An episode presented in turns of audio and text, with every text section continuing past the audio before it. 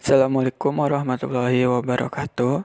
Saya Sultan Rino Salfriandri dari TIF RP 20A dengan NPM 205520 110 12. Di sini saya akan menjelaskan tentang analisis tugas. Analisis tugas adalah proses menganalisa bagaimana manusia melaksanakan tugas. Apa saja yang mereka lakukan, peralatan yang mereka gunakan, dan hal-hal apa saja yang mereka perlu ketahui. Analisis tugas berkaitan dengan sistem dan prosedur yang telah ada, dan alat utama yang digunakan adalah observasi dalam berbagai format. Salah satu tujuan analisa tugas adalah membantu membuat materi pelatihan dan dokumentasi lainnya. Pada saat dibutuhkan sistem baru, analisis tugas memberikan kontribusi pada proses identifikasi kebutuhan sistem. Dalam hal ini, analisa tugas memperjelas dan mengorganisasikan pengetahuan mengenai keadaan saat ini. Perbedaan analisis tugas dengan teknik lain adalah analisis analisis tugas mempunyai ruang lingkup yang sangat luas. Selain meliputi tugas-tugas yang melibatkan penggunaan komputer, analisis tugas juga memodelkan aspek-aspek dunia nyata baik yang menjadi bagian maupun yang tidak dalam sistem komputer.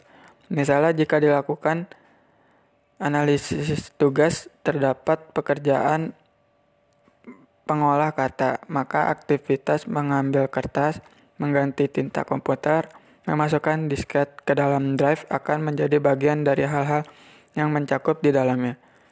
Sehingga sama dengan teknik lain yang melakukan analisis tugas, terdapat sistem analisis tugas juga yang tidak terbatas hanya pada aktivitas yang digunakan komputer. Namun berbeda dengan teknik lain tersebut, analisis tugas dikhususkan untuk mengenali kepentingan pengguna.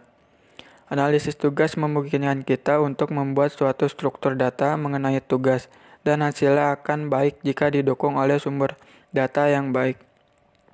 Proses analisis data tidak semata-mata mengumpulkan dan menganalisis, mengorganisasikan data, dan mempresentasikan hasil. Namun kadangkala kita harus kembali melihat sumber data tersebut dengan pertanyaan dan pandangan yang baru.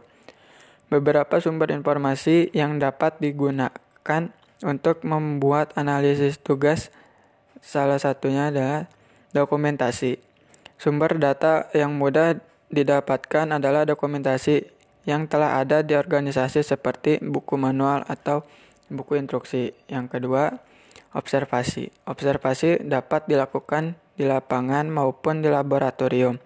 Observasi dilakukan di lapangan analisis dapat menggunakan mengetahui kondisi yang sebenarnya dari proses pengerjaan tugas. Sebaliknya apabila dilakukan di laboratorium, analisis dapat lebih mengendalikan lingkungan, dan umumnya tersedia fasilitas yang lebih baik. Yang terakhir, wawancara. Bertanya pada seorang yang ahli pada bagian tugas yang akan dianalisis seringnya merupakan cara langsung yang dapat untuk mendapatkan informasi mengenai suatu tugas.